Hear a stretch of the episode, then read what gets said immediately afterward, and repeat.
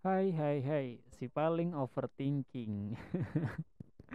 Kenapa ya? Tiap malam kalian nggak bisa tidur. Overthinking tentang masa depan. Eh, BTW umur kalian udah nyampe berapa ya? 20, 21, 22 atau lebih? Gak apa-apa. Itu termasuk umur-umur yang lagi di masa-masa quarter life. Di mana masa-masa yang lagi stres-stresnya banget, overthinking sekali, eh, nggak ada kegiatan, pengen kegiatan, nggak tahu produktif seperti apa, ng- ngawatirin masa depan, padahal semua yang kita khawatirin pada pemikiran kita itu tuh belum belum ter, eh, benar-benar terjadi gitu loh. Nggak apa-apa, karena mungkin kita eh, masih berada di fase itu ya. Tapi ini eh, menurut gua ya, meskipun kita berada di fase yang sulit ya seperti itu, kita harus tetap eh, mendekatkan diri kepada Tuhan. Karena apa? Kita nggak tahu ya. Pemikiran-pemikiran overthinking seperti itu tuh bisa merusak mental loh.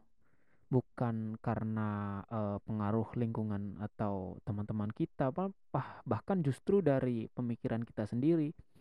Kenapa gue bilang begitu? Eh, karena gue udah pernah ngalamin gitu loh ya. Gue tuh tipe kalau orang yang mudah stres.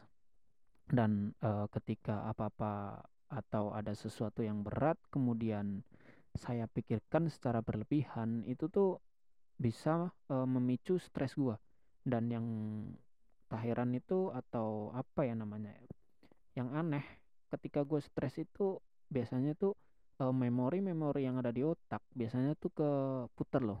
Nah itu yang harusnya stresnya nggak terjadi itu itu menambah gitu loh Nah, maka dari itu tuh harus was-was sekali terhadap eh, sesuatu hal yang membikir mem, membikin nih pusing otak bikin otak pusing tuh ya eh, gue hindarin gitu loh ya.